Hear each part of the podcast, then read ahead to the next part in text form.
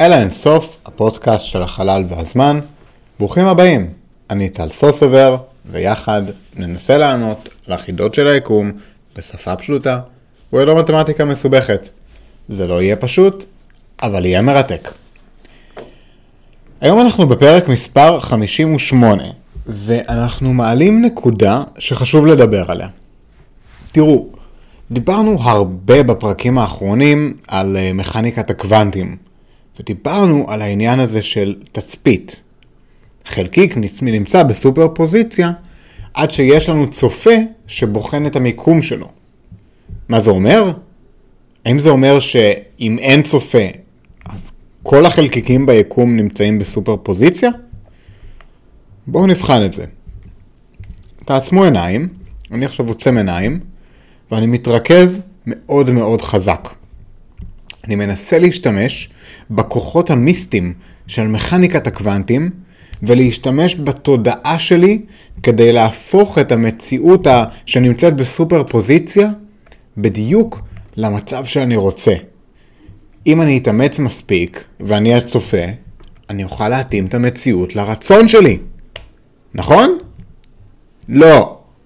לא. לא. אני רוצה שנתחיל מנקודת המוצא הזו. מכניקת הקוונטים היא תיאור מתמטי לטבע. היא לא תיאוריה מיסטית. לא. אתם לא יכולים להשתמש בכוחות מכניקת הקוונטים ולהפוך חלקיקים למה שנוח לכם כדי להוריד במשקל. אני יודע שזה נשמע מגוחך לרובכם, אבל יש ספרים שנכתבו על השימוש במכניקת הקוונטים כדי לגרום לאוכל להיות פחות משמין.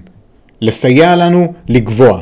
אמיתי לגמרי, אמיתי לגמרי. יש ספרים כאלה, וכמובן, הספר המפורסם ביותר, הסוד, שמתפאר לצטט שם מדענים שמסבירים איך היקום משנה את עצמו ומתאים את עצמו לרצונות שלנו. כי הרי אנחנו, הצופה, אנחנו מרכז היקום. אנחנו מחליטים איך ייראה היקום. לא, זה מכניקת הקוונטים. הכל בסופר פוזיציה, ושאני מסתכל, הכל מתיישר לפי העיניים שלי.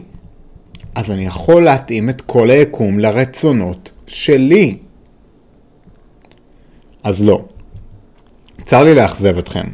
אני מקווה שמי ששרד איתי כבר 57 פרקים, הבין שהתזה הכללית שלי היא שאנחנו, התת מין של קופים שנקרא בני אדם, וגם אתם באופן ספציפי, ובטח אני, לא מיוחדים בשום צורה.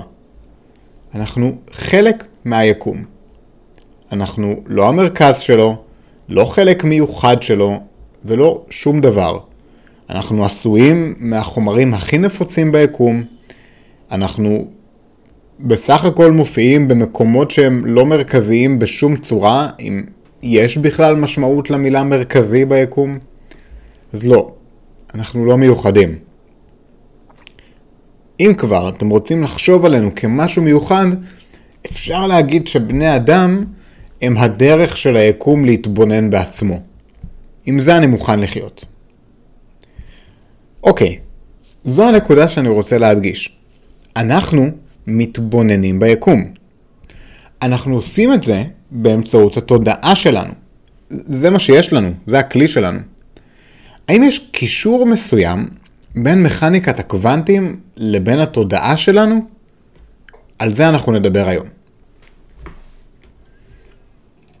ההתנהגות של העולם הקוונטי, בואו נודה על זה, היא מוזרה. אנחנו מכירים את זה כבר. יש לחלקיקים אפשרות להיות בכמה מקומות בו זמנית. הם יכולים להיות שזורים לחלקיקים אחרים בקצה השני של היקום. הם יכולים להיעלם ולהופיע במיקום אחר מהר ממהירות האור. כן, וראינו את זה בפרקים הקודמים. מכניקת הקוונטים היא מוזרה. החוקים הקיימים בעולם התת-אטומי מאוד שונים ממה שאנחנו מכירים מהיום-יום שלנו. בגלל זה אנחנו כל כך מתקשים להבין את מכניקת הקוונטים. בפרק הקודם הצעתי לכם דרכים על איך לחשוב ולפרש את מכניקת הקוונטים. איך לבטא אותה בשפה שלנו. הצגנו שלושה הסברים, ושלושתם ברמה כזו או אחרת היו לא נוחים, לא נעימים ולא אינטואיטיביים. עכשיו, יש עוד הסברים, וחלקם מאוד מיסטיים, ואם תרשו לי, שרלטניים. אחד ההסברים המצוטטים ביותר של מכניקת הקוונטים הוא פרשנות קופנהגן, עליה דיברנו בפרק הקודם. הסבר לא שרלטני בכלל, הפרשנות של הייזנברג ונילס בור. הרעיון של קופנהגן הוא שעצם המדידה שלנו גורמת לקריסה של פונקציית הגל סביב תוצאה מסוימת. על כן, אין משמעות למציאות האמיתית עד לרגע המדידה. החתול של שרדינגר מת וחי בו זמנית, עד לרגע המדידה. אין משמעות לחיים של החתול עד לרגע המדידה. בפרק הקודם דיברנו על למה הפרשנות הזו שגויה של החתול, ולכן הפרשנות הנכונה לקופנהגן היא שכל חלקיק יכול לקבל קשת של ערכי מאפיינים, והחלקיק מטיל קובייה לא הוגנת, לפיה הוא בוחר את המאפיינים. זוהי תיאוריה לא דטרמיניסטית. יש בה רצון חופשי, או לפחות רנדומליות מסוימת, אשר מובילה לכך שההיסטוריה יכולה לקבל ערכים רבים, והעתיד של היקום יכול לקבל ערכים רבים, ובגלל התכנסות של הסתברויות שונות לתוצאות שונות, קיבלנו את המציאות שלנו. אני רוצה לחזור איתכם לניסויים המוקדמים ביותר שהיו הזרע שהוביל לפריחתה של מכניקת הקוונטים. ניסוי האור של יונג והניסויים העוקבים המאוחרים יותר. הניסוי של יונג, למי שזוכר, ניסוי שני החורים מלפני 200 שנה בערך. יורים אלקטרון בודד או פוטון, לא משנה, חלקיק, על קיר, בקיר יש שני חורים. החלקיק עובר דרכם ומגיע למסך החורי עליו יש קולטנים שרושמים את מיקום הפגיעה של החלקיק. בואו נניח שזה אלקטרון. אז הם רושמים את מיקום הפגיעה של האלקטרון. אם אנחנו יורים הרבה אלקטרונים ובוחנים את הפגיעה שלהם בקולטן, אנחנו רואים שהם יוצרים התפלגות כמו גל. כלומר, החלקיקים לא התנהגו כמו כדורי אקדח קטנים, אלא כמו רצף גלים שפגע בקולטנים. זוהי דואליות הגל חלקיק, ודיברנו עליה המון בפודקאסט עד עכשיו. דיברנו על זה שהתוצאה הזו מוזרה לנו, כי נראה שהאלקטרונים מקושרים ביניהם, מתקשרים ביניהם באיזושהי צורה. איך האלקטרון יודע איפה החברים שלו נפלו? הרי אין קשר ביניהם. ההסבר הוא שכל אלקטרון יודע את כל פונקציית הגל, והוא מתאם את הנחיתה שלו לפונקציית הגל. המשמעות היא שכל אלקטרון סוג של עובר בשני החורים בו זמנית. ההסבר הוא שהאלקטרון לא טס כחלקיק, או כגל פיזי, לפי פרשנות קופנהגן, אלא האלקטרון הוא ענן הסתברותי שמגדיר את המיקום של האלקטרון בכל נקודת זמן, אם נחליט למדוד אותו. לפי קופנהגן, אין משמעות לאלקטרון כחלקיק. כל מה שיש זו הסתברות למיקום. זוהי פונקציית הגל. עצם המדידה מובילה לקריסה של פונקציית הגל. מכאן, האלקטרון עובר מגלים של הסתברויות לנקודה מוגדרת על הקולטן. על הקולטן אנחנו כבר רואים אלקטרון, נקודה, חלקיק. אני רוצה שננסה להבין את הרגע הזה בדיוק. מתי האלקטרון הפסיק להיות ענן הסתברותי קוונטי ועבר להיות חלקיק של ממש? אז בואו נבחן את השרשרת. האלקטרון פגע בקולטנים. מה זה קולטנים בעצם? קולטנים מקבלים ערעור חשמלי מהפגיעה של האלקטרון. האלקטרון פגע בקולטן, כלומר פגע באלקטרון אחר, שפגע באלקטרון אחר, כמו משחק מנהלים כזה של גולות. האלקטרונים האחרים פוגעים אחד בשני בתוך צינור עד שהם מגיעים למחשב. במחשב הם מציגים תמונה על המסך. המידע של התמונה עובר באמצעות פוטונים, גלי אור, מהמסך של המחשב לעיניים שלנו. אצלנו, בעיניים, הוא נכנס, נקלט, עובר תרגום חשמלי במוח שלנו, ואז אנחנו מקבלים זרם חשמלי שהוא תרגום של תמונה סובייקטיבית של מיקום האלקטרון על הקולטנים. השרשרת הזו של המידע בין הקולטן למוח של הנסיין נקראת שרשרת ואן נוימן. לפי הגישה של ואן נוימן, הקריסה של פונקציית הגל קורית איפשהו בין הפגיעה של האלקטרון בקולטן לבין המוח של הנסיין. אבל איפה?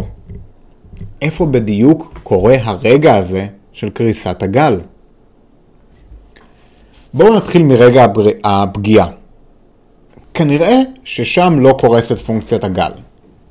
למה? למה? כי האלקטרון שפגע במסך, בקולטן, פוגע באלקטרון אחר. האלקטרון האחר הוא גם אובייקט קוונטי. יש כאן סוג של מיזוג בין האלקטרונים. יותר נכון לומר, יש כאן מיזוג בין הסופרפוזיציה של האלקטרונים, מה שנותן לנו פונקציית גל אחת, בה אלקטרון בכל מיקום על המסך הוא בו זמנית גם מעורר וגם לא מעורר, לפי הסופרפוזיציה של האלקטרון שאמור לפגוע בו. אז לא שם, פונקציית הגל לא קורסת שם. אולי זה קורה במסך של המחשב? אולי בתוך המוח שלנו? לא ברור. כל הדברים האלה גם כן עשויים מאטומים. כל שרשרת ואן נוימן, מהקולטן ועד המוח, היא שרשרת של אובייקטים קוונטיים. אין לנו גבול ברור בין העולם הקוונטי לעולם הקלאסי. זה לא שאלקטרון אחד הוא קוונטי ומאה אלקטרונים זה כבר קלאסי. אנחנו כן יודעים שפונקציית הגל קורסת במוח שלנו, כי אנחנו רואים תוצאה מסוימת. אז איפה בדיוק בשרשרת הזאתי, בין הפגיעה בקולטן להגעת התמונה למוח, איפה פונקציית הגל קורסת? האם הקריסה קורית ברגע של תודעה? האם רק ברגע שיש מוח עם תודעה אנחנו מסוגלים להגיד שיש קריסה של פונקציית הגל? זה מעניין. הרעיון לפיו תודעה גורמת לקריסה של פונקציית הגל נקרא פרשנות וון נוימן, ויגמן למכניקת הקוונטים. לפי הפרשנות הזו, משנת 1961, שהיא תת פרשנות של מכניקת הקוונטים, התודעה היא מה שגורם לפונקציית הגל לקרוס. דרך אחרת להסתכל על זה היא ככה. בואו נגיד שיש לנו חבר שעושה ניסוי. הוא הנסיין. אנחנו יודעים שהניסוי יסתיים כאשר אלקטרון בודד הגיע לקולטן. החבר שלנו יודע שהניסוי יסתיים, אבל אנחנו, שיושבים רחוק ובחדר אחר, לא יודעים שהניסוי יסתיים.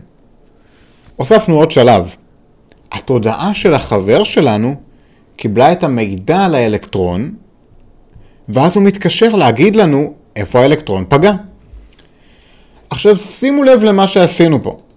הוספנו שלב מוזר. הוספנו שלב בו החבר שלנו יודע את מצב האלקטרון והוא עוד לא התקשר אלינו. מנקודת המבט שלנו, המוח של החבר שלנו קיים בסופרפוזיציה של כל המצבים הקוונטיים לנפילת האלקטרון על המסך. בהתאם, יש לנו כמה אלפי או מיליוני מצבים אפשריים לתאר את החבר הזה בהתאם למיקום נפילת האלקטרון.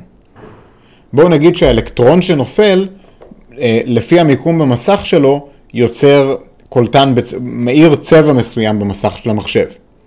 יש אלפי צבעים אפשריים לפי המיקום במסך.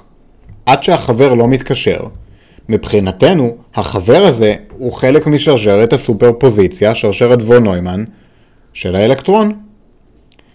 החבר מתקשר אלינו, ואנחנו יכולים להגיד שפונקציית הגל של החבר קרסה. הוא מתקשר ואומר, האלקטרון פגע בקולטן שיצר צבע אדום. מה התגובה שלכם? אנחנו בהלם, אני הייתי בהלם. אנחנו אומרים לחבר, תגיד, אני חייב לשאול אותך, עזוב את הצבע של האלקטרון. איך זה היה להיות בסופרפוזיציה? איך זה מרגיש? אנחנו מתים לדעת איך זה מרגיש להיות במצב בו הוא ראה את כל האלקטרונים האפשריים בו זמנית. טוב, הוא כנראה חושב שהשתגענו. הוא אומר לנו שפונקציית הגל קרסה ברגע שהוא קלט המידע על האלקטרון. הוא פשוט ראה מסך עם נקודה אדומה. מנקודת המבט שלנו, זה לא יכול היה לקרות, כי שום מידע לא הגיע אלינו. הפרדוקס, המוזר הזה הוביל את ויגמן מפרשנות וון נוימן ויגמן לטיעון שמוח שלם, תודעה שלמה, לא יכולה להיות בסופרפוזיציה. זה כבר too much. המסקנה שלו הייתה שהתודעה היא מה שמוביל לקריסה של פונקציית הגל. כי היינו במצב של פונקציית גל בסופרפוזיציה, רק עד למצב שהגיע למוח של הנסיין. הפונקציה נפלה שם, ואנחנו קיבלנו את המידע ממנו אחרי הקריסה של פונקציית הגל. המשמעות היא שחייבים תודעה כלשהי על מנת להסביר קריסה של פונקציית גל. אבל זה נשמע כמו פתרון מוזר מאוד. לא ביליתי את כל התחלת הפרק בלהגיד לכם שאנחנו לא מיוחדים? אז מה, אז בלי תודעה אין יקום? האם יש למוח, לתודעה, השפעה על הפיזיקה? אני לא יודע, אבל אתם יודעים מי מאוד לא אהב את זה? אלברט איינשטיין. איינשטיין מאוד לא אהב את זה. אבל אייזנברג, מתורת הקוונטים, היה פתוח יותר על ההשפעות האלו. ואפילו שרדינגר, ההוא עם החתול, הבין שחייבים תודעה על מנת שתהיה משמעות למציאות. בשנות ה-70 הופיעו שורה של ספרים פילוסופיים המנסים לקשר בין תרבויות המזרח, כמו אינדואיזם וטאואיזם, עם מכניקת הקוונטים. זה נשמע כמו רעיון נחמד, אבל מכאן העולם קצת השתגע. כמו שאנחנו יכולים להשפיע על רמת הסוכר בדם באמצעות קריסת פונקציית הגל שלו, או לקבל העלאה בשכר באמצעות קריסת פונקציית הגל של התודעה של הבוס לכיוון השכר הגבוה יותר בשבילי. אז לא, בואו נבדיל. הדברים האלה לא עולים מהמתמטיקה של מכניקת הקוונטים. לא הסוכר בדם ולא דיאטה. ככל שאנחנו מבינים יותר את מכניקת הקוונטים, כך אנחנו יכולים לדבר פחות בוודאות על התוצאות שלה ועל ההשפעה שלה על החיים שלנו. אני מדבר במיוחד על התוצאות המיסטיות האלה.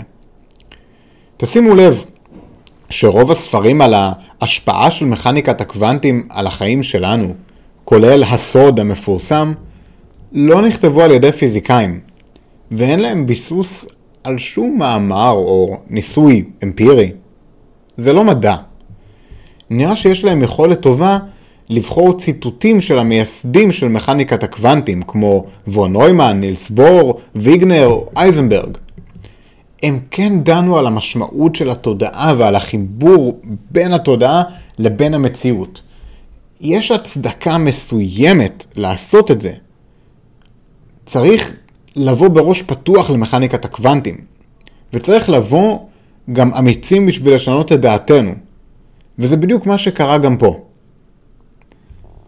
אז שוב, התודעה כנראה חשובה ברמה מסוימת, אבל אנחנו לא יכולים להשפיע על מכניקת הקוונטים באמצעות התודעה.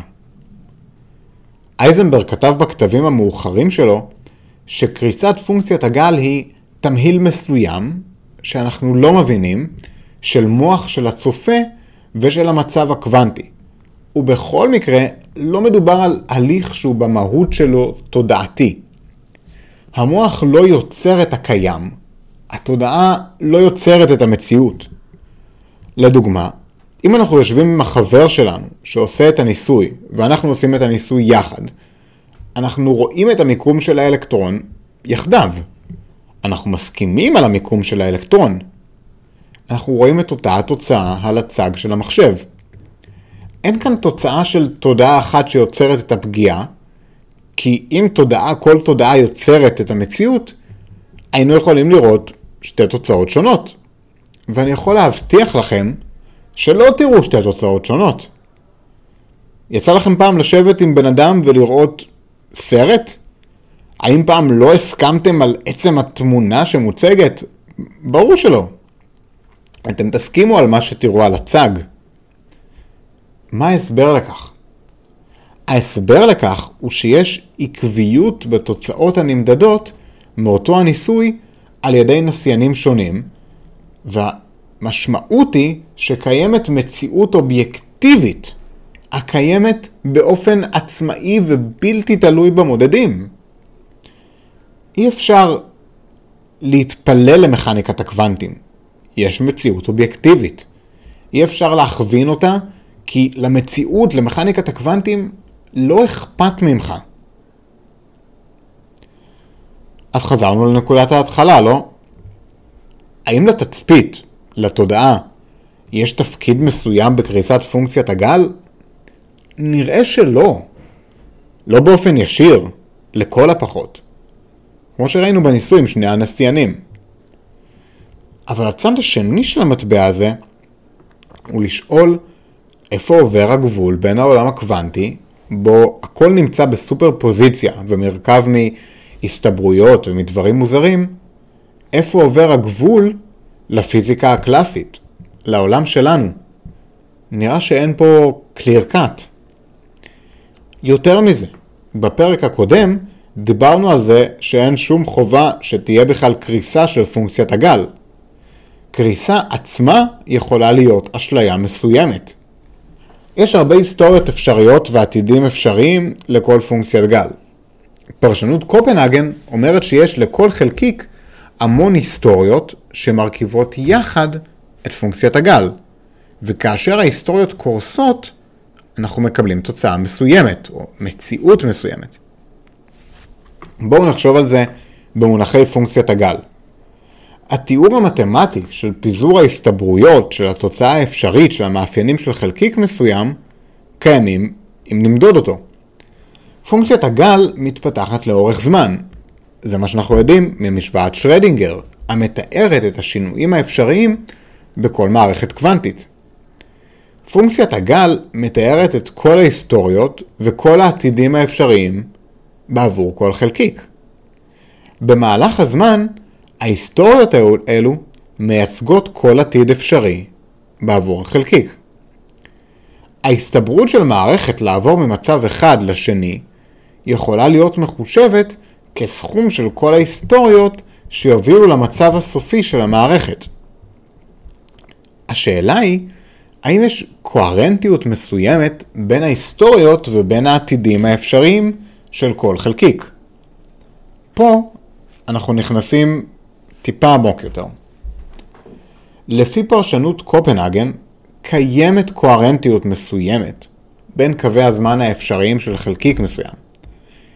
ההיסטוריות מתכנסות למצב מסוים, ומשם ממשיכות קדימה, ואנחנו מאבדים יכולת לראות את ההתפתחות של קו זמן אחר, למעט קו הזמן שלנו.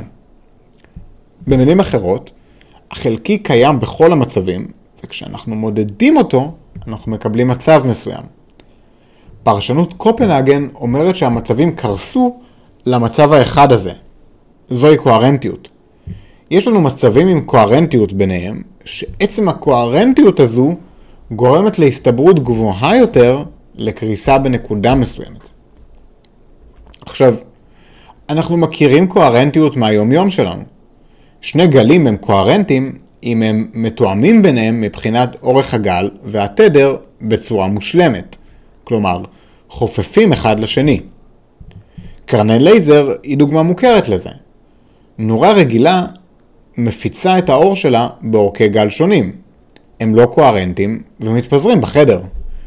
בלייזר אנחנו יוצרים אור קוהרנטי, בעל מופע מותאם של כל הקרניים. הקרן הלייזר מקרינה את כל הקרניים בכיוון אחד בלבד. אור רגיל הוא מסיבת אוזניות בה לכל פוטון יש מוזיקה אחרת והוא רוקד בקצב שלו. לייזר הוא מסיבה בה לכולם יש את אותה המוזיקה, והתנועות של כל הפוטונים זהות. זוהי קוהרנטיות. אז בואו נבחן שוב את ניסוי שני החורים. נראה שהאלקטרון עובר דרך שני החורים בו זמנית, וכשהוא פוגע בקולטן הוא קורס לנקודה מסוימת על המסך. כאשר בוחנים את כל האלקטרונים האלו, נראה שהם עברו את החורים כגלים ולא כחלקיקים. אנחנו יכולים להבין את פונקציית הגל של כל אחד מהאלקטרונים. לכל אלקטרון יכולים להיות שני מסלולים, דרך חור ימין או דרך חור שמאל. ההסתברות לכך שהאלקטרון יגיע לנקודה הספציפית אליה הוא יגיע בקולטן, נקבעת לפי סכום האפשרויות המובילות לפגיעה בנקודה הזו. במקרה שלנו, שני קווים, אחד בכל חור. בגלל שהקווים זהים במהות שלהם, למעט העובדה שהם עוברים דרך חורים שונים, הם קוהרנטים. השיא והשפל של כל אחד מהם מתואם עם השני. יש לנו כאן שתי היסטוריות קוהרנטיות, אבל שונות, של אותו חלקיק, המובילות לתוצאה סופית. עכשיו, אנחנו רואים את התוצאה, ואנחנו לא יודעים מי משתי ההיסטוריות האלו הובילה לתוצאה הסופית. ברמה הקוונטית, שתיהן גרמו לאותה התוצאה. הסיבה לכך היא שככל שיש יותר קוהרנטיות, יותר מתאם בין שתי קרני האור, כך ההסתברות לקבלת חלקיק על הקולטן עולה. במקרים בהם יש חוסר קוהרנטיות מושלמת, כלומר שפל מול C ו-C מול שפל, אנחנו צפויים כמעט ולא לראות חלקיקים, כי הם מבטלים אחד את השני. לכן, אנחנו אומרים ששתי הקרניים גרמו להיווצרות האלקטרון. האלקטרון עבר דרך שני החורים בו זמנית, והוביל לתוצאה.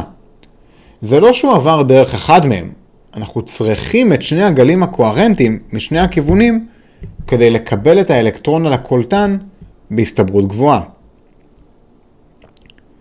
שימו לב מה יש לנו כאן. היסטוריות מרובות מוביל, מוביאות למאפיינים קוונטיים מסוימים, קוהרנטיות שניתן לבחון. מה לגבי חס, חוסר קוהרנטיות? בחוסר קוהרנטיות אנחנו מאבדים את הקשר בין ההיסטוריות השונות. לדוגמה, אם ננסה להוסיף חלקיקים באחד החורים, אנחנו יוצרים כבר כל כך הרבה רעש למערכת, שהתוצאה היא שאחת הקרניים כבר לא תעבור בצורה חלקה כפי שהיא עברה קודם לכן. יש לנו שיבוש של אחת הקרניים, והן כבר לא מתואמות, לא קוהרנטיות. זה יוביל לכך שהאלקטרונים שונים יפגעו במקומות אחרים על המסך. וזה לא מתאים לפונקציית הגל. מכאן והלאה, אין לנו כבר התפלגות יפה של אלקטרונים על המסך. קיבלנו חוסר קוהרנטיות. אבל לבסוף, האלקטרון פוגע איפשהו, וזה מוביל לשרשרת של אלקטרונים בכבל ועד המסך של המחשב והמוח של הצופה וכולי. מה שקורה בדרך הוא בדיוק מה שקרה לנו כשלכלכנו במרכאות את אחד החורים. יש לנו רצף של עוד אלקטרונים, שהאלקטרון מעביר את האנרגיה של הפגיעה שלו דרכם. החל מרגע הפגיעה של האלקטרון בקולטן, אנחנו מקבלים מצב בו האלקטרון, שהוא במקור שילוב בין שתי קרניים קוהרנטיות, מוביל למצב בו יש לנו מערכת של שרשרת של אלקטרונים, הכבל, שבכל אחת מהם יש חוסר קוהרנטיות הולך וגדל. התוצאה היא שהחלקיקים שיפלטו בקצה המערכת למוח ולמחשב שלנו כבר לא יהיו קוהרנטיים. על כן, יש לנו את הדרך, כל הדרך, בין הקולטן למוח שלנו, ובדרך אנחנו בהכרח מאבדים קוהרנטיות. זה קורה בהכרח בגלל שכל מעבר בין חלקיקים מוביל לאובדן מסוים של קוהרנטיות. באותה מידה, מה שהמוח שלנו מקבל בסוף היא תוצאה לא קוהרנטית של המציאות, פשוט כי אין שום אפשרות אחרת. בנקודה הזו, מבחינתנו, פונקציית הגל קרסה. אבל יכול להיות שפונקציית הגל ממשיכה להתערבב עם יתר פונקציות הגל של היקום. אבל אנחנו לא יכולים לראות את פונקציית הגל שנפרדה מאיתנו. במילים אחרות, אסור לנו לחשוב על עצמנו כמו אלוהים שעצם התצפית שלו גרמה לקריסה של פונקציית הגל. לא. אנחנו חלק מפונקציית הגל ואנחנו רואים רק חלק ממנה. אנחנו רואים רק את החלק שמתאים להיסטוריה מסוימת, אבל רק מסוימת ולא קוהרנטית. רק אם מסתכלים בסקלות הקטנות ביותר, בנסיבות האידיאליות ביותר, רק שם, תאורטית, היסטוריות שונות יכולות לתקשר אחת עם השנייה בגלל הקוהרנטיות של פונקציית הגל שלהן. אבל זה היוצא מן הכלל, החריג. רוב ההיסטוריות, רוב הגלים, יהיו לא קוהרנטיים, כי תמיד משהו יפריע. כל ניסוי שלנו הוא בידוד של סלייס מסוים של פונקציית הגל של היקום. זה אפשרי ברמה של האלקטרונים הבודדים, אבל ברמה המקרוסקופית אנחנו לא יכולים לעשות את זה. אנחנו לא יכולים לשלוט על כל כך הרבה פונקציות גל נפרדות שהן בהכרח לא קוהרנטיות אחת עם השנייה. הכאוס עולה בסדרי גודל שהם הרבה מעבר גם ליכולת חישוב תאורטית מטורפת. אנחנו צריכים לבחון את המצב הקוונטי של כל החלקיקים בקולטן, באוויר, בעצמנו, בחשמל שמספק אנרגיה למחשב, באוכל שמספק לנו אנרגיה, ועוד ועוד ועוד ועוד. וצריך לבחון את הכל, טריליוני טריליוני טריליוני טריליוני חלקיקים, בו זמנית, ברמת דיוק מושלמת. עכשיו, יש לא מעט בעיות עם חוסר קוהרנטיות, ולא בטוח שהיא מסבירה את הכל. אבל בעיניי היא נוחה מאוד דווקא לפרשנות אחרת של מכניקת הקוונטים. אתם מבינים? כל עוד אנחנו מחייבים קריסה של פונקציית גל כחלק מהתיאוריה, אנחנו בבעיה שדיברנו עליה בפרק. אנחנו לא יודעים איפה היא קורית. חוסר הקוהרנטיות אומר לנו שבכל מערכת שהיא טיפה יותר מסובכת מכמה אלקטרונים בודדים בוואקום, אנחנו מסתכלים על כל כך הרבה מצבים שונים, שלא ברור בכלל מה והאם יש משמעות לפונקציית הגל שלהם. אבל דווקא פרשנות ריבוי העולמות של מכניקת הקוונטים הציעה לנו משהו אחר. היא מוציאה אותנו מהפלונטר הלא נגמר של חוסר קוהרנטיות. בפרק הבא נדבר על השאלה האם ריבוי עולמות יכול להיות פתרון ריאלי לשאל, לשאלה של ריבוי ההיסטוריות, ואיך הרבה היסטוריות אלטרנטיביות מסתכמות למצבים מסוימים, ולמה אנחנו רואים רק את מה שאנחנו רואים. אוקיי חברים, בואו נסכם את הפרק. אז היה לנו פרק קצת אה, שונה מהרגיל. אנחנו קצת ממשיכים את הקו של לדבר על מכניקת הקוונטים באופן כללי, ואיך אנחנו תופסים אותה באופן ספציפי. בפרק הזה דיברנו על תפקיד התודעה במכניקת הקוונטים. הדבר היסודי ביותר שחשוב לי שתוציאו מהראש, הוא שהתודעה המיוחדת שלנו כבני אדם היא מה שבורט את מכניקת הקוונטים. לא. היא לא, וזה לא נכון.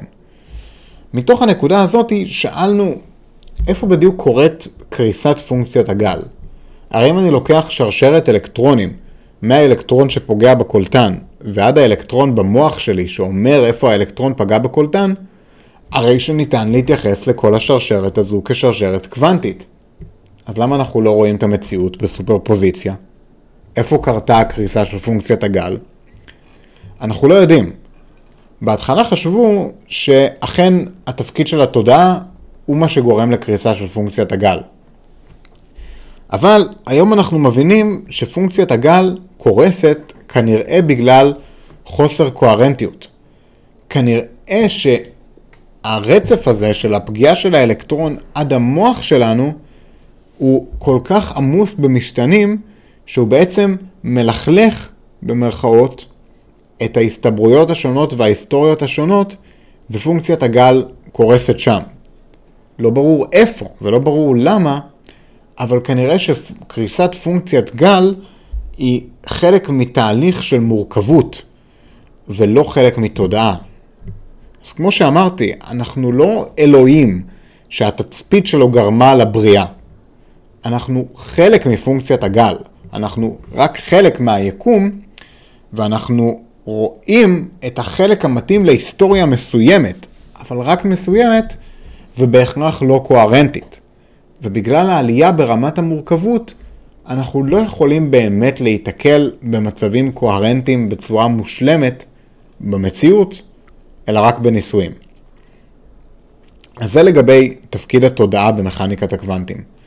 בפרק הבא אנחנו נשאל על תפקיד התודעה ברב יקום קוונטי, והאם יש לזה משמעות בכלל. תישארו, תישארו, יהיה מעניין, וכן, אני, אני יודע שזה פרקים שהם אולי טיפה פילוסופיים, וזה יכול להפריע לחלקכם. מצד שני, הרבה אנשים שאלו אותי, ואני רואה הרבה מאוד אנשים שהם מתעניינים בעניין הזה של מכניקת הקוונטים ותודעה ובריאה ודברים כאלה, והתרבות הפופולרית מאוד מאוד חזקה בתחום הזה. וחשוב לי מאוד להפריד פה קצת את הפייק ניוז, אם תרצו, שיש סביב מכניקת הקוונטים, ולהתמקד בתיאוריה עצמה. כי בואו, התיאוריה הזאת היא כל כך מטורפת ומעניינת, שלא צריך להמציא שום דבר סביבה. מה שיש זה מטורף, מדהים, וכיף לגלות את זה בכל פעם מחדש. תודה רבה רבה לכם על ההקשבה. הפודקאסטים של אלה אינסוף הם יוזמה שלי להנגשת חקר החלל, מכניקת הקוונטים וכל מה שקשור לזה, לכולם ולכולן, ללא הבדל גיל, ידע מתמטי או כל הבדל אחר. הפרקים זמינים עבורכם חינם בכל אתרי הפודקאסטים מגוגל פודקאסט, אפל פודקאסט, פודקאסט אדיקט, האפליקציה של עושים היסטוריה, מה שאתם רוצים. אם אהבתם את הפרק, שקלו לתת לנו דירוג גבוה, הן לעמוד הפייסבוק שלנו והן לפודקאסטים באפליקציות השונות. אם ממש אהבתם את הפרק, בבקשה שתפו אותו עם חבר, חברה, עם אנשים שאתם עושים איתם ניסויים קוונטיים. שתפו עם כמה שיותר אנשים, ובאמת תודה, תודה, תודה לכם על ההקשבה. ברור לי שזה לא, לא הקשבה קלה, ואלה לא נושאים אינטואיטיביים, אבל בעיניי אלה הדברים הכי מעניינים שיש, ואני מקווה שגם בעיניכם. אתם יכולים ליצור איתי קשר ולשאול שאלות. אז שוב, תודה רבה לכם על ההקשבה, ועד הפעם הבאה, שלכם, טל.